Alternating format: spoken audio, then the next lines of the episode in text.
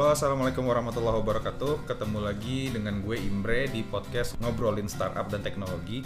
Jadi di episode kali ini episode yang cukup spesial karena kali ini kita live recording di kolega coworking space Senopati.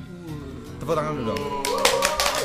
Dan eh, dan episode kali ini juga lumayan spesial karena kita nggak rekaman dengan narasumbernya aja. Jadi di episode kali ini gue mengundang beberapa orang spesial yang eh, ikut mendengarkan dan nanti juga bisa berinteraksi dengan narasumber kita.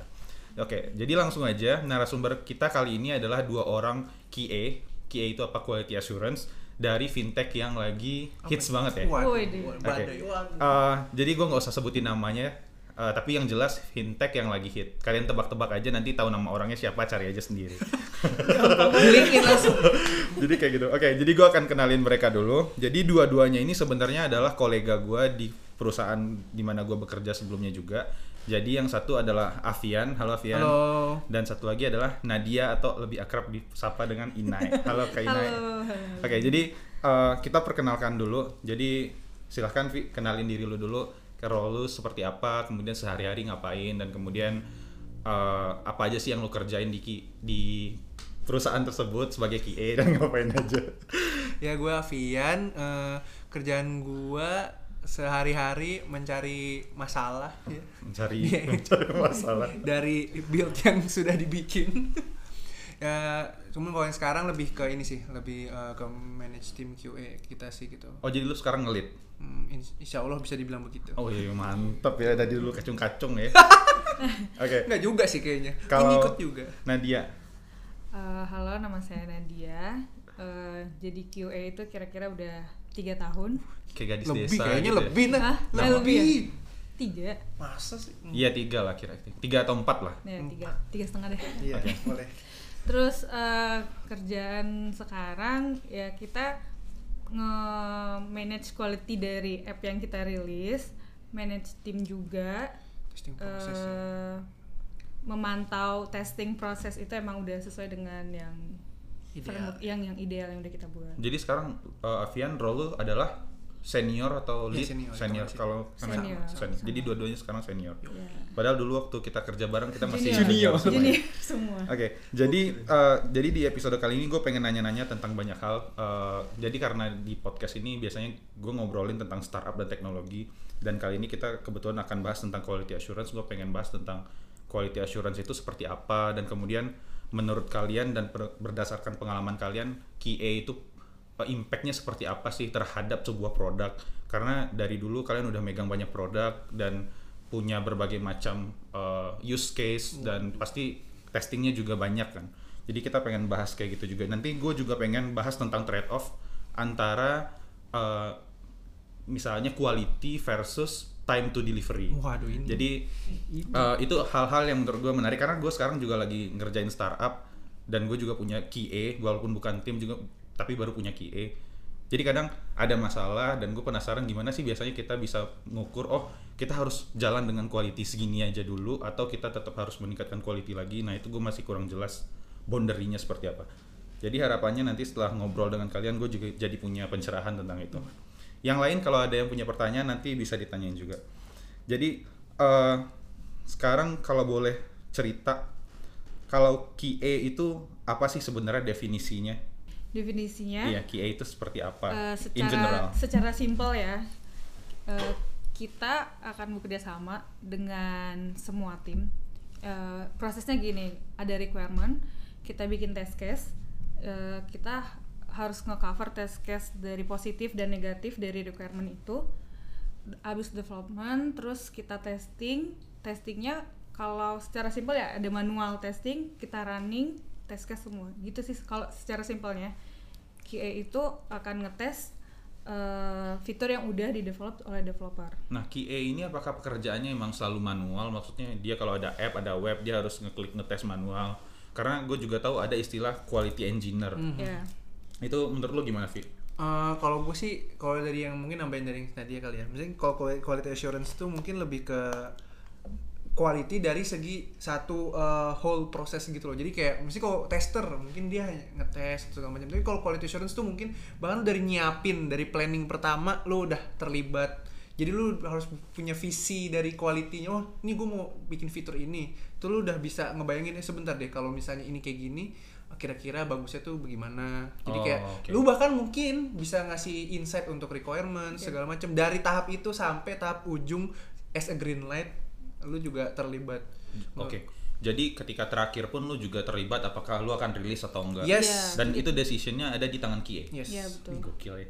green light-nya dari kita Jadi kalau seandainya kalian pengen produknya rilis cepat, rajin-rajinlah memberi makan QA. ya betul makan only Sogok makan ya. Nah, jadi eh, kalau bicara tentang tools, tools-tools yang biasa kalian pakai itu apa aja sih untuk memastikan kualitas sebuah software itu bagus?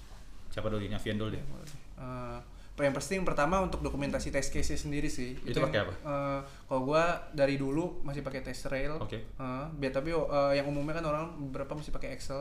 Oh, Oke. Pun itu menurut gue juga kalau template-nya bagus sih itu ngebantu juga. Cuman kalau gue sendiri pakai test rail di test rail itu sendiri juga lu bisa bikin apa ya kayak berbagai test suits gitu di kumpulan test case kumpulan test case-nya gitu dan bahkan lu bisa ngeran dari beberapa test suits yang berbeda. Jadi enaknya test rail sih gitu. Dan reportnya gampang sih. Jadi kayak udah jadi chart gitu eh, apa pie gitu. Terus bisa integrate sama Jira. bisa integrate sama Jira juga. Jadi lu udah langsung tahu oh eh, test case ini terlibatnya eh, untuk di eh, story ini atau untuk bug ini itu udah bisa langsung gitu. Itu itu sih Itu Paling pertama. oh, berbayar.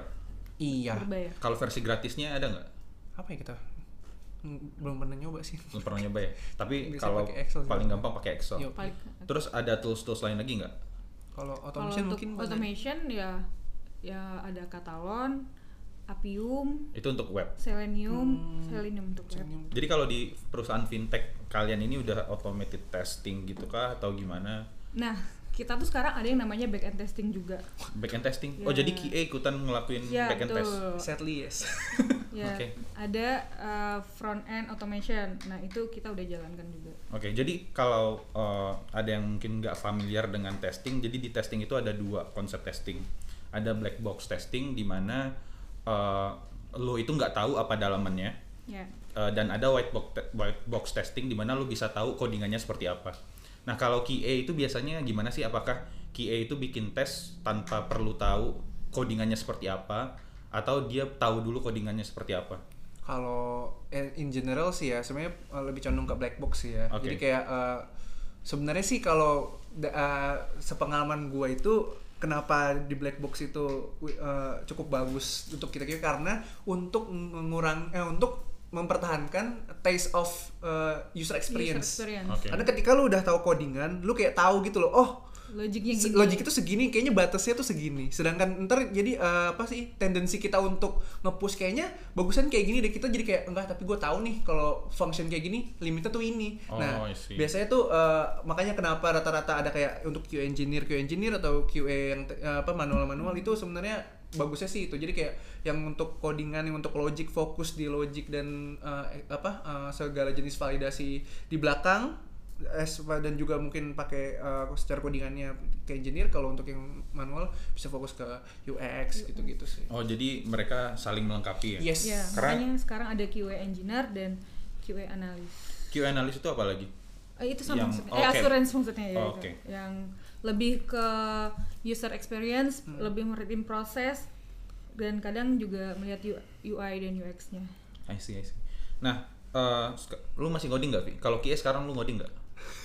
ngoding Sekarang kita Sekarang jadi iya. ngoding. Lu ngoding? Kita ngoding ngoding. apa aja? Eh, coding sih sekarang eh, pakai apa sih kita ya pakai ini ya Python gitu ya. pakai Python Tapi udah apa sih eh, le- udah jadi pakai apa sih istilahnya tuh natural language itu yang kayak cuman klik apa udah diinin pakai frameworknya dan eh, kalau apa gue sih untuk eh, automationnya kan. Kalau untuk automation itu kita jadinya pakainya OCR based gitu. Jadi kayak eh, si mesinnya itu ngebaca dari UI-nya itu layarnya dia langsung milih di mana di mana gitu. Jadi kita kalau kan masih ada kalau kayak Appium gitu-gitu kan dia ngebacanya lebih ke elemennya kan. Elemen yang mana lu target gitu. Oh, oke. itu juga masih bisa biar spesifik. Cuman dia bahkan eh, lebih gampangnya lu bisa ngecek cuman teks apa yang mau diklik itu dia juga udah bisa langsung ini sih I see. Nah, gue pengen nanya, kalau seandainya ketika kalian mau rilis produk, eh, QA ini punya matrix-matrix nggak sih yang jadi baseline untuk menentukan apakah sebuah produk ini boleh rilis atau enggak? Eh, yang pasti kita nggak ada P0 eh, bug Oke. itu pasti eh, dan kita P0 bug ini seperti apa aja sih contohnya? kalau misalnya di fintech kayak eh, Gak bisa bayar ya? loss Waduh. eh, money loss Hmm. eh, nggak bisa payment atau apalah pokoknya Yang pro- ngeblok- ngeblok eh, user yang ya? ngeblok user melakukan eh, proses pembayaran lah Oke oke oke. Terus kalau yang lain kita punya standar eh, minimal running test case itu misalnya 95%. Oh, yang successful ya? Ya, yang successful. Itu, Itu yang automated atau manual atau dua-duanya? Eh, dua-duanya. Dua-duanya ya. Eh, QA itu se-strict apa sih? Jadi kalau seandainya contoh sederhananya dulu gue juga ngoding Android dan gue sering menemukan masalah di mana QA itu kadang nggak penting aja bahasannya kayak Ah. eh ini nih ukuran fontnya nih kurang gede tombolnya nih kurang rata tengah kurang gimana nah apakah QA itu harusnya se-strict itu kah jadi Kalau menurut Nadi gimana Kalau menurut gue iya. Karena eh, balik lagi nanti yang eh, kan app kita akan dilihat user ya. Yang mana kita itu sebagai perwakilan user gitu loh. oke Jadi kayak eh, experience-nya user ini nggak bagus ya menurut gue itu adalah isu yang harus di fix. Gitu. oh I see, I see. nah kalau seandainya balik lagi itu misalnya isunya kita uh, lihat itu apakah P0 Nah, P1 atau misalnya itu cuma priority-nya itu, priority-nya priority. harus dilihat lagi Oke, berarti apakah kalau itu major yang atau jelas enggak. kalau P0 itu nggak bisa ya nggak bisa no toleransi. Hmm. Oke, terus kalau seandainya sekarang nih ada use case di mana eh, ada deadline, katakan kita harus rilis nih Jumat ini, Hmm. terus abis itu itu kebutuhan bisnis karena katakan Sabtu atau Minggu itu kita pengen Hmm. Promo promo gede-gedean atau apa pun itu. Nah biasa, tapi masalahnya katakan Kamis atau Jumat itu masih banyak isu-isu yang mungkin bisa menimbulkan masalah yang cukup besar. Biasanya kayak gimana sih mengatasi hal-hal kayak gitu? Karena gue juga uh, menjalankan startup gue dan gue mikir "Sk- apakah gue harus rilis nih? Sementara gue tahu sebenarnya banyak hal-hal lain yang belum terselesaikan, ada masalah-masalah kecil yang khawatir nanti akan jadi masalah besar. Biasanya kalian menyikapinya seperti apa sih? Untuk menemukan titik tengahnya itu seperti apa? Hmm. Nadia dulu deh. kalau dari kita biasanya kita list tuh mana yang bug terus dilihat prioritinya yang mana dan kita tanya juga developer estimate dia kira-kira ngefix ini eh, sanggupnya gimana kalau misalnya dari developernya eh, bilang bisa fix lebih cepat ya berarti kan QA juga bisa lebih eh, ngetesnya lebih cepat balik lagi itu kan eh, nanti akan kita diskusikan juga dengan product owner dan project manajernya Oke. yang penting kita harus list dulu mana bugnya yang emang prioritas harus kita fix dan estimate dari developernya juga. Jadi si QA ini yang memberikan rekomendasi kepada si product owner atau PM atau Ya. siapa pun itu. Ya kita akan list ini uh, blocker kita nih saat ini untuk rilis. Nah coba mana yang prioritas yang akan kita selesaikan dahulu. Terus uh, tanya juga dari sisi developernya kan. Iya iya iya. oke, Baru oke. nanti akan diambil decisionnya gimana. I see. Kalau lu gimana menurut lu? paling tinggal cuma nambahin sih eh, Nadia palingan kayak lebih ke ngobrol sama ini juga kan kayak sama yang orang promonya gitu sebenarnya tuh pro, strategi promonya tuh kayak gimana konsepnya terus kira-kira efeknya akan se- segede apa nah terus gue lihat juga dulu bugnya tuh eh, apakah akan ngaruh ke flow itu jadi kayak lebih ke strict lebih ke ini ya sih eh, flow yang mau dikejar gitu oh saya gue pengen bikin cashback misalnya cashbacknya tuh di mana misalnya gitu di eh, flow-nya tuh transaksi seperti ini nih. Nah, apakah dari situ bugnya segede apa kan ngefeknya untuk ganggu di situ atau mungkin contoh paling gampang iOS Android deh misalnya gitu. Seberapa banyak pengguna lu iOS atau Android? Nah, Iya. kalau misalnya Android misalnya contoh tiba-tiba mungkin kita nggak tahu 90% user lu itu Android, cuma 10% iOS gitu.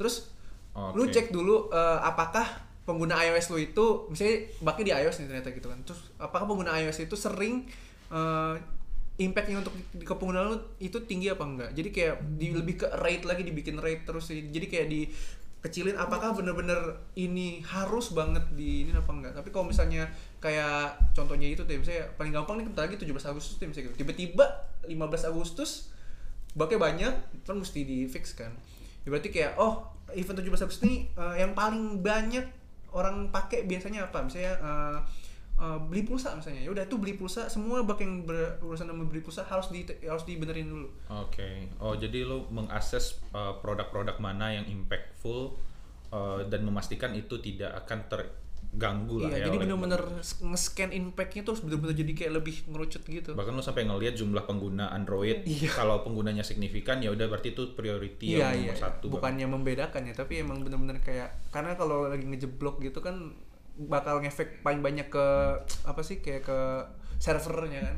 Itu kan pasti kan yang pengguna terbanyak gitu. Asik. Kayak gitu. Nah, eh, kalau boleh tahu, eh, lu punya ide tentang beberapa macam jenis testing nggak? Kayak misalnya ada regression testing, stress test, kemudian monkey testing.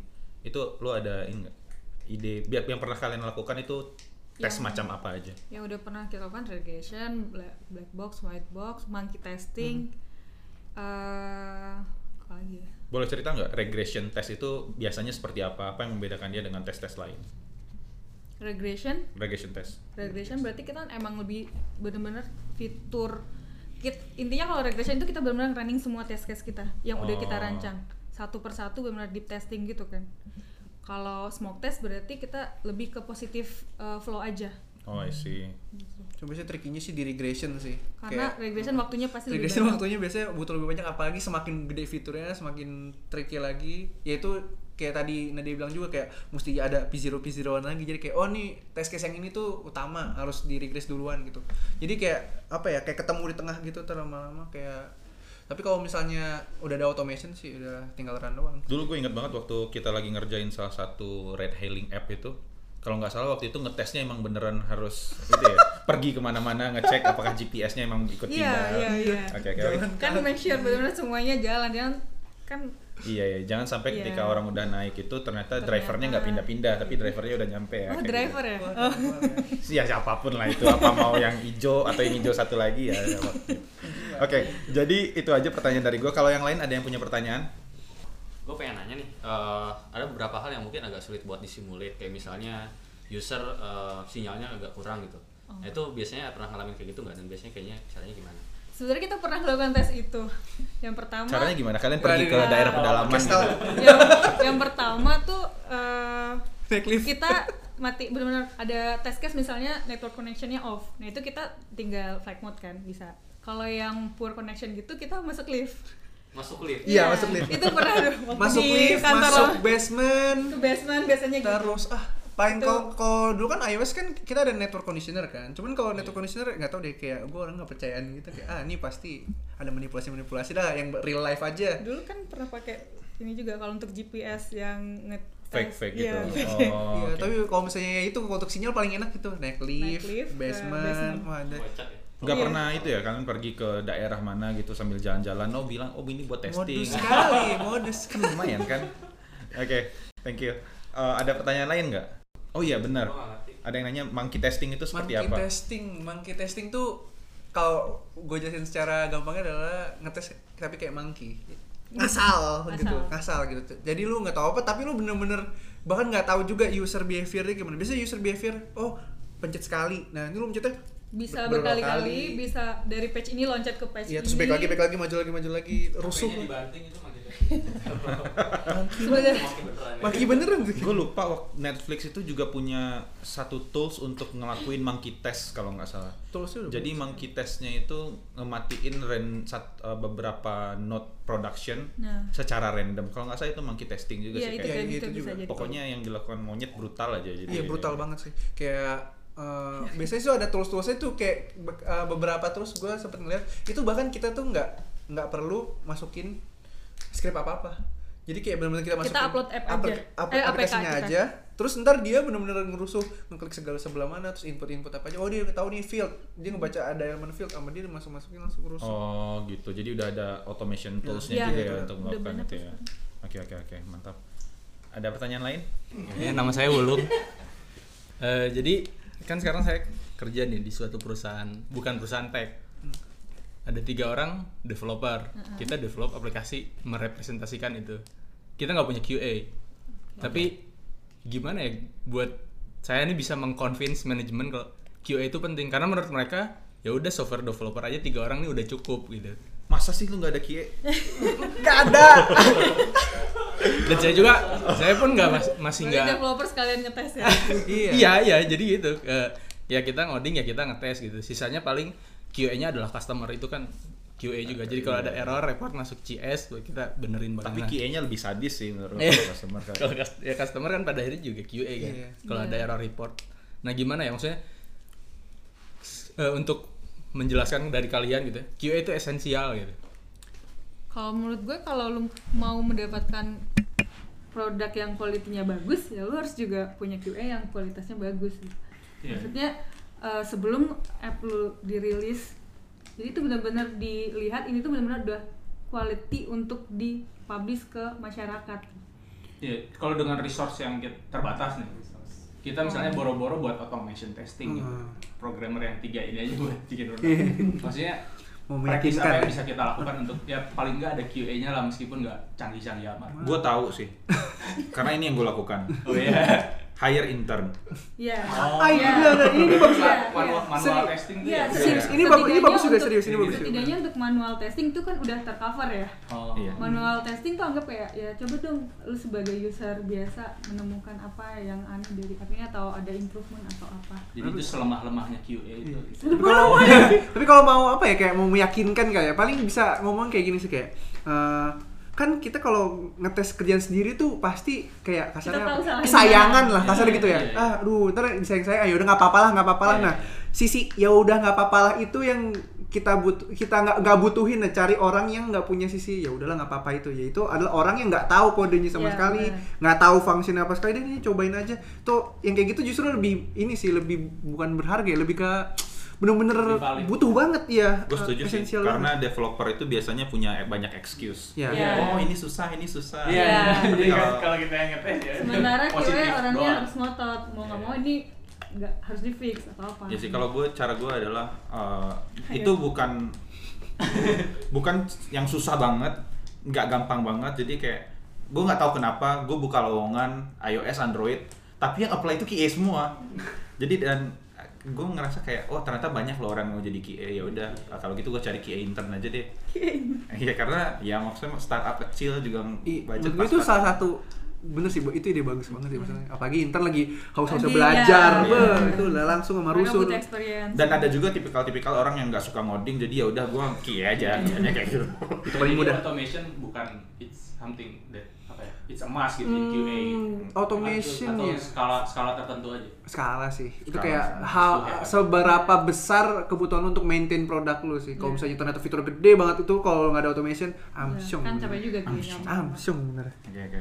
Tapi QA manual harus lah. harus jadi tuh sekalipun lu punya automation lu tetap harus punya untuk yang Manual. manual testing Karena biasanya ujung-ujungnya yang akan pakai app itu Hmm. adalah manusia juga Iya. ya. Iya. biasanya sih cara nge apanya cara nge eh, bikin flow-nya adalah untuk fitur-fitur yang udah ada itu di regress untuk fitur-fitur baru yang baru lu bikin itu manual Oh. nah pas di habis dia manual itu test case-nya bisa di sync langsung dibikin eh, Automation. automationnya jadi kayak ya ya tapi jangan lupa notes beberapa test case pasti nggak bisa di automate contoh paling gampang misalnya scan QR deh scan QR tuh kan nggak eh, harus maksudnya harus apa ya harus ada HP lagi gitu harus ada QR-nya lagi gitu kan Oh, oke, beberapa oke. beberapa interaksi yang sangat humanis. Foto-foto, tag foto. Take foto ya, Selfie gitu, misalnya. Iya benar juga Bisa. ya. Berarti nggak bisa. sekelas Instagram pun kalau mau ngetes Instastory-nya mereka juga akan ambil video. Pa- pasti ya terus kalau misalnya dia cuma mau ngecek daya tahan berapa lama ya dia nggak usah tinggal rekam aja tapi kalau misalnya dia mau ngecek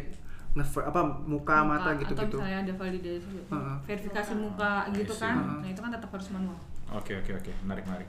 Ada pertanyaan lagi? Eh, gue deh Silakan perkenalkan diri. Eh, pakai nama beneran apa nama samaran? Terserah. Terserah lo aja. Hai, eh, gue Pipit. Gue lagi kerja di em, startup yang ngurusin soal travel nih. Tapi gue di bagian produk. Jadi em, currently kita masih building nih untuk eh, webnya segala macam. Masih di tahap staging sih. Nah, menurut kalian atau ya so far pengalaman kalian saat ini penting gak sih keterlibatan dari tim produk itu sendiri ketika staging pas kalian lagi testing testing kayak gitu karena currently em, gue itu dilibatkan justru setelah produknya di deploy gitu Oh, loh. I nah, see. ketika gue gue kan dari sisi produk ya yang tahu harusnya tuh kayak gimana gitu. Jadi ketika gue menemukan errors dan segala macam dan gue send back ke mereka, mereka tuh jadi kayak frustrated sendiri gitu gitu. Jadi sebaiknya apakah bagian produk itu dilibatkan dari tahap staging atau gimana menurut kalian? Gitu. Kalau pengalaman saya, Saya. saya Tadi tadi gua, gue, tadi Iya, pengalaman gue. Nah, biasanya kalau di tahap staging itu eh, gue akan verifikasi lagi setidaknya sama UI UX-nya dan sama product owner-nya. Ini flow-nya udah bener belum? Oke. Ah, ini eh, UI-nya udah bener belum? Bahkan kadang gue suruh coba dulu pakai nih app-nya, udah eh, requirement-nya udah sesuai apa belum?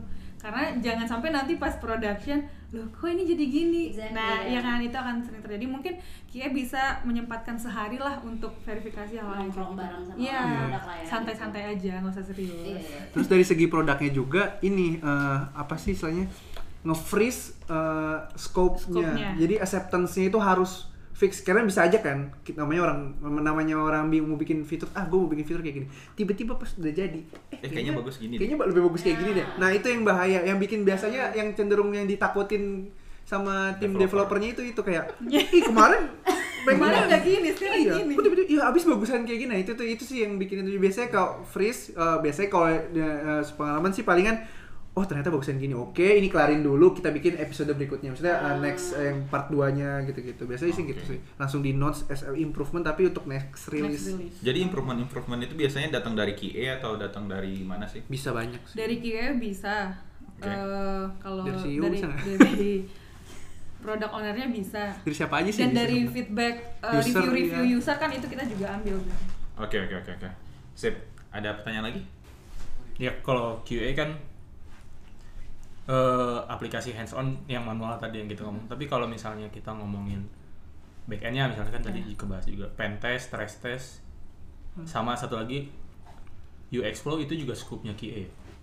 Kalau UX flow itu ya kan kita UX flow, iya. iya kan kita eh, secara flow kita akan nge-running test Udah case-nya. sesuai apa Iya. belum sama Kalau untuk pen test Test test. vendor. security ya. test, eh, performance test itu kita juga ada Ah, tapi bukan itu di bukan QA. Ah, QA ya. Iya, Oh, bukan bukan QA sih, Eh, itu kayak beberapa perlu QA ada yang specialty. melakukan itu iya. juga sih Itu kayak butuh kayak bukan spesialis sih. Ada maksudnya. dedicated team. Jadi untuk kita itu tim ya karena itu penting banget dan Penting. kayak perlu bener-bener orangnya tuh perlu bener-bener dedicated untuk itu karena security sama apa Hmm. biasanya tuh paling biasanya paling sering di, di apa kayak mungkin ada outsource atau vendor gitu kita pakai untuk sebelum pertama kali kita mau rilis ke Oh, publik. gitu. Heeh. Jadi karena kan kita pasti butuh juga kan. Hmm. Cuman kita nggak akan terus-terusan lakuin itu. Jadi kayak kalau security iya, test mungkin iya. masih cuman kok kayak pen test gitu-gitu yang eh, s- perihal security gitu kita nggak akan bener-bener terus-terusan kecuali ada beberapa fitur yang menyinggol ke arah security Hmm. biasanya baru kita itu lagi makanya dari itu biasanya pakai outsource atau enggak vendor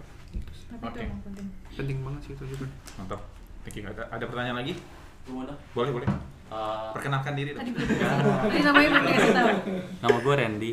Em, jadi gue mau nanya nih, kalau eh, lu pernah nggak ada pengalaman eh, some mistake lolos ke production, terus apa yang lu pelajari dari situ? wah harus ada itu Harus sekali. Pernah kan kalau gitu? Iya, harus ada Sekali harus ada. itu tuh kayak pokoknya kayaknya QA itu kayak kalau lu belum lolos satu ke proses lu belum jadi QA dah. Karena itu ju- jujur deh itu tuh turning point banget. Lu bisa stres, nge- bisa depres kayak berapa hari gitu kayak ya Allah hina banget gue bak kayak gini aja. Serius.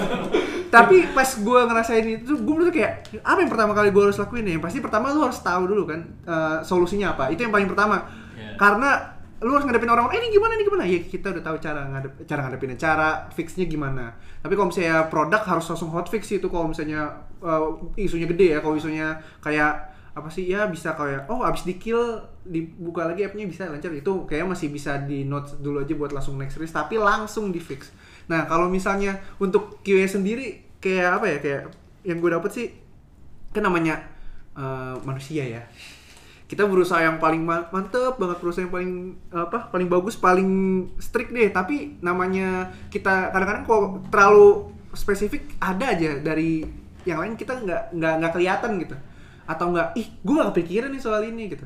Terus tiba-tiba kena gitu. Nah biasanya gue consult lagi sih. Biasanya kayak eh, duh ini kejadian di production impactnya ke user berapa ber- seberapa gede gitu. Itu paling pertama. Jadi kalau misalnya impactnya nggak terlalu gede ya masih bisa menghela nafas lah ya udahlah. Tapi langsung di fix kalau misalnya ini. Tapi kalau misalnya kayak eh, langsung saat itu juga gede banget itu bisa langsung coordinate sama PM sama dev eh, ini gimana fixnya? Gimana?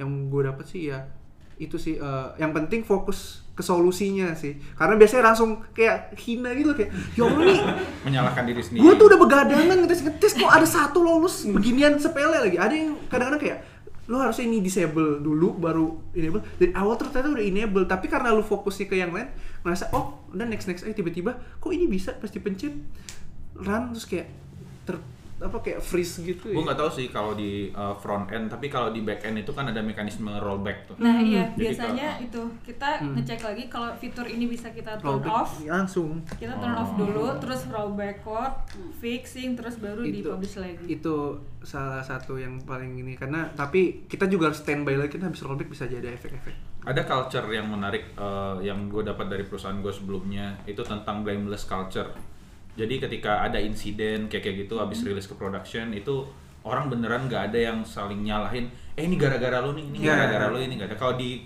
kantor lu gimana? Sama sih kita tuh fokus apa ya, ya itu tadi gue bilang sih kayak kita fokus ke solusinya problem solving problem solving. Karena menurut gue blaming jadi kayak nggak bumbung waktu sih. Oke, betul. gue paling sering ngomong ke teman-teman gue sih gini kalau emang kalau lu tahu siapa yang salah terus lu mau ngapain? Iya, gitu kan kayak oh salah lu Iya. nih. Udah ya kalau salah gue terus mau gimana? Nah sama ujung-ujungnya kan problem solusinya. sol- solusi juga. Jadi kayak Oke, menurut gue nggak nggak ini sih kalau Gak fair lah saling menyalahkan. iya. Nggak kalau salah ya salah satu tim whole tim nggak nggak salah satu si A si B si C sih. I see. Jadi uh, ada cerita lucu juga kali ya terkait yang tadi dulu pengalaman oh kita. ya kalau gue nggak ketawa Jadi waktu itu kita pernah rilis sesuatu. uh, ini pentingnya kenapa pentingnya stress test menurut gue. Hmm. Jadi waktu itu kalau lu masih ingat kita pertama kali rilis Gua ingat yang semua, ride, namanya. ride hailing itu. Oh iya. Jadi kita rilis dan ternyata pada saat itu Androidnya down waktu itu. Iya. berapa jam bre Empat jam kalau salah. Empat jam jadi Yang meeting pagi-pagi. iya meeting semua pagi-pagi. sunyi pagi ini kenapa nih down dan satu pun nggak ada orang yang tahu sampai akhirnya udah siang dari jam 9 sampai jam 2 itu orang ngediscover bahwa orang ngediscover bahwa database-nya nggak diindeks. Ini nggak diindeks. Itu apa inget gua penyebabnya? Iya ketika Indexing-nya key- salah. memang sih gue menyadari ketika QA manual pun nggak mungkin kan QA ngasih log yang Iya. gede banget. Jadi itulah kenapa pentingnya ada stress test gitu buat ngetes apakah sistemnya kuat untuk ngehandle uh, hal yang sama tapi dalam jumlah yang besar. Itu pelajaran banget sih. Bisa di-cut, tenang. Nah, jadi itu aja ada gue cukupin aja kali ya Boleh. karena udah cukup lama. Oke, jadi terima kasih buat yang udah datang, buat Thank you, thank you. buat Nadia, buat teman-teman terima kasih terima kasih semua Eh, terima kasih juga buat kolega coworking space yang udah menyediakan tempat yang eh, nyaman banget untuk kita ngobrol kali ini. Iya. Jadi ini pengalaman pertama buat gue. Mudah-mudahan nanti ada kalau ada eh, coworking space di sana yang mau meminjamkan tempat untuk rekaman podcast silakan. gue terbuka. endorse endorse Bisa ya exposure ya gue juga dapat tempat jadi ya juga nggak masalah lah maksudnya juga bisa ngobrol ketemu ketemu orang karena selama ini gue bikin podcast gue nggak tahu nih sebenarnya yang dengerin gue siapa sih ada nggak sih? Dan ternyata alhamdulillah ada lah. Paling paling orang-orang yang di sini ya. Oke dari gue itu aja. Terima kasih semuanya. Kalau seandainya ada punya masukan ada komentar silahkan mention gue di twitter di @imbrenagi jangan lupa follow podcast gue biar masuk Spotify chart. Unbox tuh box. Gila, gue terinspirasi banget. Tadi ada yang datang terus bilang e, gue udah nomor 20 sekian di Spotify chart. Dulu langsung termotivasi. Anjir gue juga harus gokil gitu sih. YouTube channel, YouTube channel. YouTube channel ya. Imre Nagi tapi lebih ke buat ngoding jadi mungkin nggak terlalu gede segmennya. Jadi nggak apa thank you. Thank you semuanya buat yang udah datang. Eh, sekali lagi terima kasih. Eh, gue akhiri wabillahi taufiq wal hidayah assalamualaikum warahmatullahi wabarakatuh